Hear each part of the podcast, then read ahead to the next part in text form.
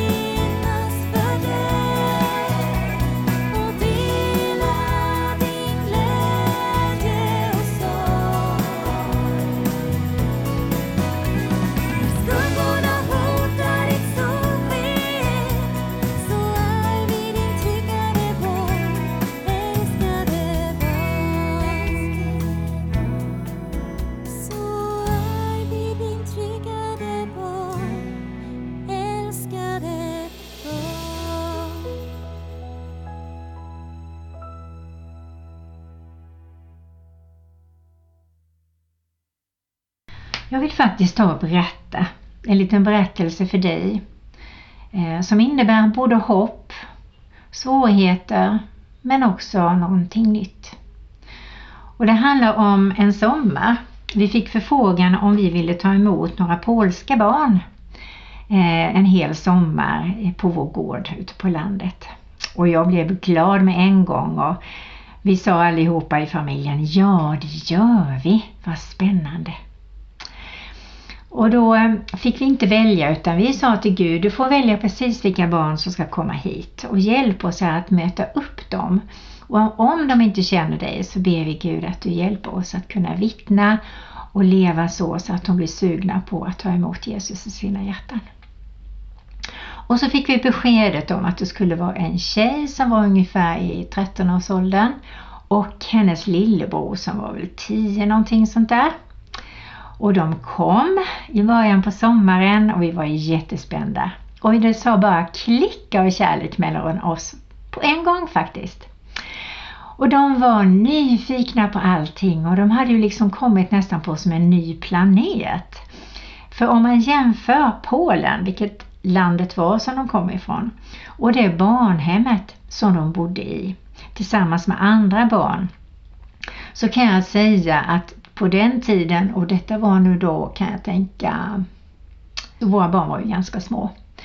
Men eh, när de berättade om hur de hade, för jag tror att hon kunde lite engelska på något sätt i alla fall, för vi gjorde oss förstådda och de lärde sig eh, tala svenska ganska så fort faktiskt, för det är ju så att när man är tvungen att lära sig ett språk, då knäcker barn det väldigt fort. Det kommer jag ihåg när jag sattes i, i Tyskland en hel sommar. Så på tre veckor så knäckte jag den tyska språkkoden. Inte perfekt, men jag klarade mig väl och bra. Och det var samma med dem. De lärde sig svenska alltså förståeligt väldigt snabbt. Och det de allra mest förstod sig på det var naturligtvis kramar och att vi eh, tittade på dem in i ögonen och låg och de njöt av att få vara i centrum. Och vi alla tyckte att det var så kul och spännande att få vara med att leda dem in i den svenska kulturen på olika sätt. Så vi sjöng och spelade sånger de fick vara med och sköta trädgården. Vi lärde dem hur man gör med olika blommor och växter. Eh, jag vet att det året skulle vi måla om snickarbon så de fick lära sig att måla både vitt och falurödfärg, och hur man gjorde och tvättade penslar och alltihopa. Och allt tyckte de var jätteroligt. Så det var ju väldigt tacksamt. Så vi, det var en sån här otrolig vinna-vinna situation måste jag säga. Och vi hade så roligt tillsammans och de här syskonen var så fina mot varandra för de hade ju varit så hänvisade till varandra eftersom de inte hade några föräldrar som de kunde leva tillsammans med. Och de flesta barnen på det här barnhemmet fick vi reda på hade föräldrar som var alkoholister och som utnyttjade sina barn på olika sätt. Och eh, det var väldigt svårt sen när vi skulle lämna tillbaka dem men jag kommer ihåg särskilt den här sista kvällen Eh, så satt vi ner och vi hade ju bett tillsammans i familjen som vanligt. Och, olika saker som skulle hända i dagarna så bad vi för det. Och, eh, ja, människor som kom hem till oss. Vi satt och pratade och skojade och skrattade, våra vänner. Och, och vi brukade alltid avsluta med, med bön för det som låg på våra hjärtan. Och de var med i detta och de sa inte mycket om det. Men jag vet som sagt var sista kvällen så, så sa vi att nu vill vi gärna be för er. Ja, sa de. Vad vill ni att ni ska be för? sa vi. Och då sa killen då att jag vill att ni ska be att jag får också lära känna den här Jesus. Eh, och då berättade stora syster att de hade fått gå till en ortodox kyrka och där var det inte alls så som de hade märkt att det var i vårt hem eller när de följde med oss till den kyrkan som vi tillhörde då. Utan de hade tyckt, i alla fall i den kyrkan var det väldigt dött och väldigt stelt och väldigt icke relationsöppnande för Jesus alls. Så de hade varit fascinerade av att vi hade en relation med Jesus. Så båda två ville ta emot Jesus i sina hjärtan. Men så hade de ju naturligtvis önskningar och vi sa det står i Bibeln att ni ska göra er önskningar tydliga för mig, säger Herren. Och då berättade hon att hon gärna ville flytta ifrån det här barnhemmet när hon blev myndig. Hon ville flytta till Tyskland och hon ville gifta sig med en tysk man som var ordentlig och kristen. Och eh, ja, det var nog det första målet faktiskt och sen skaffa barn. Och han ville väldigt gärna flytta nära sin syster och bo nära henne och han ville starta upp en bilverkstad. Och det bad vi för och sen fick vi ju följa med dem i en buss hem.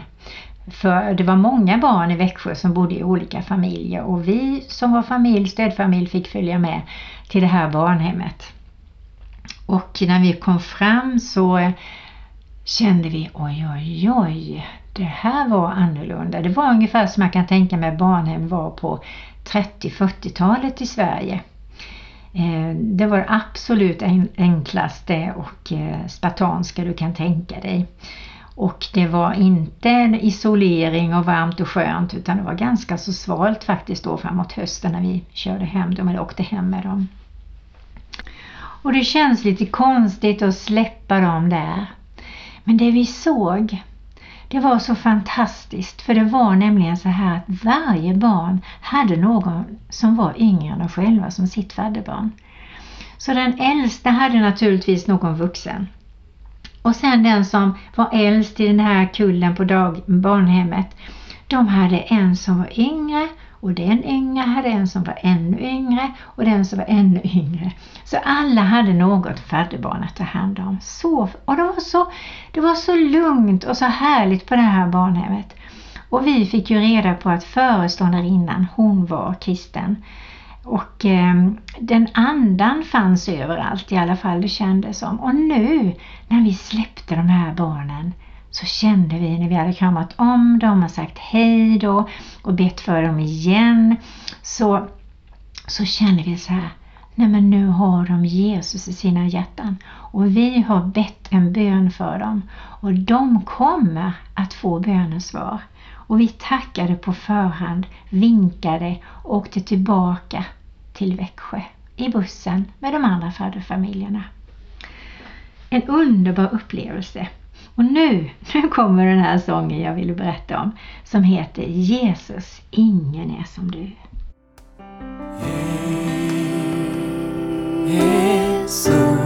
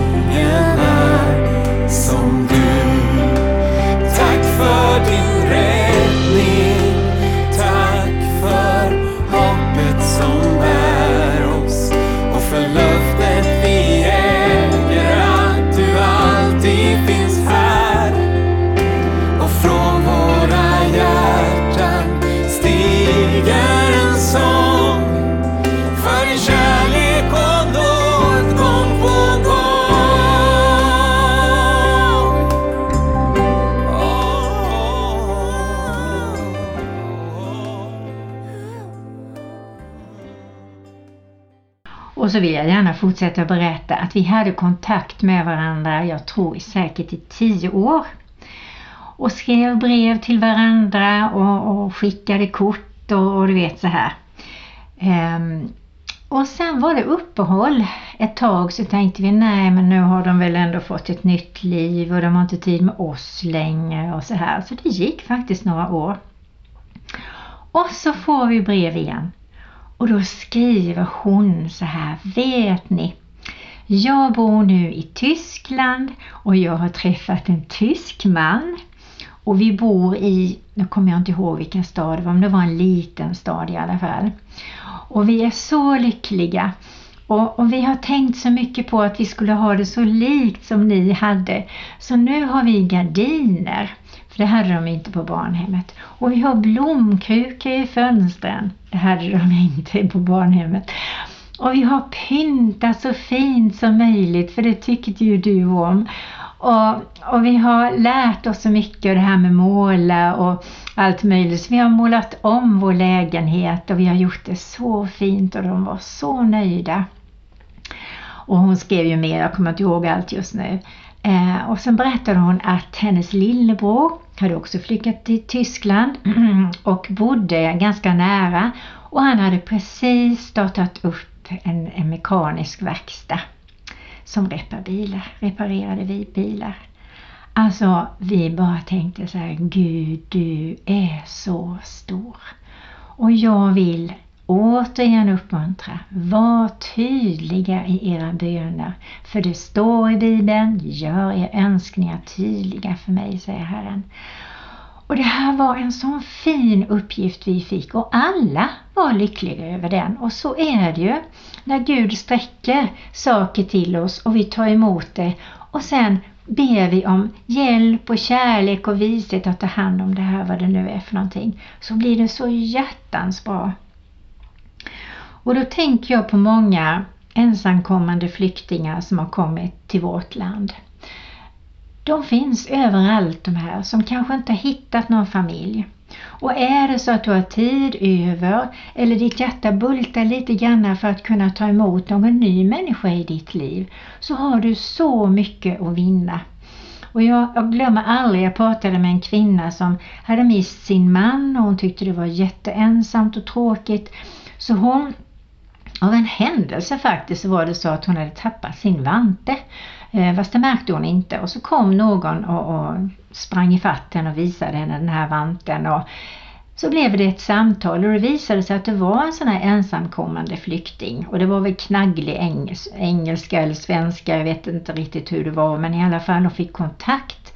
Och hon bjöd hem honom och över tid så visade det sig att hon behövde hans hjälp på olika sätt. Bära tunga saker, kanske gå och handla när hon inte var så pigg och han hjälpte henne med allt möjligt. Och hon hjälpte honom med att lära svenska, att visa honom hur vi gör här i Sverige. Hon hade bil så hon tog honom på olika platser. För många som bor faktiskt i Växjö som har kommit hit, de vet inte ens vad Teleborg är för någonting eller utanför Växjö om de inte har bil eller de lever det här Araby-livet liksom.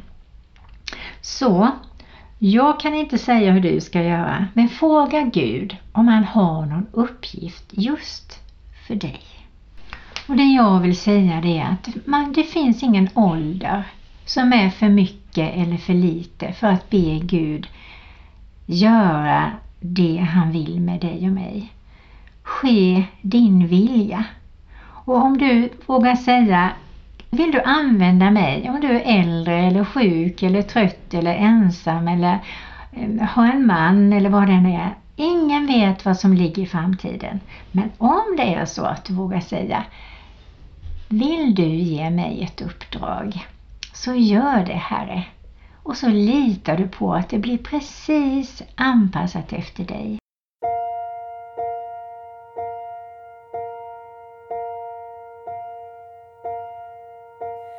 Här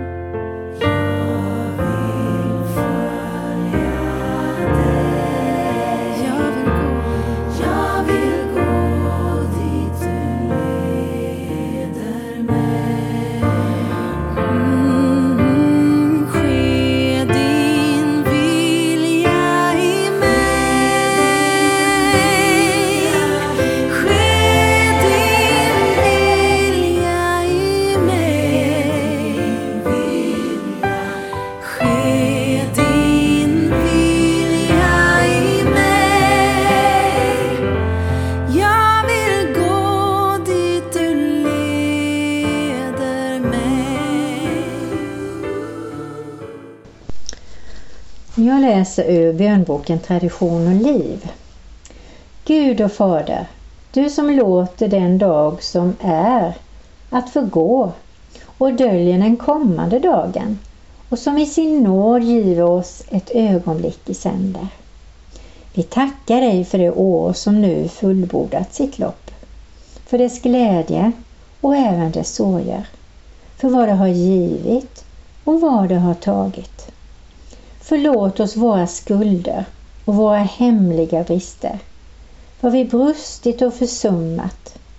Låt inte någon människa lida för vår skull, utan öppna för oss nya vägar att gottgöra det som vi gjort eller underlåtit att göra. Herre, lös oss från grämelsen över det förgångna och från ängslan för det kommande. Lär oss att rätt bruka varje ny dag du ger oss. I din hand lämnar vi det gamla och i förtröstan till din nåd det nya. Och vi får stiga över tröskeln till en, ett år 2021 som vi litar på att du har i din hand. Visa oss, Herre, dina vägar och led oss genom tidens dunkel till det mål som du har satt för vårt jordelivs vandring.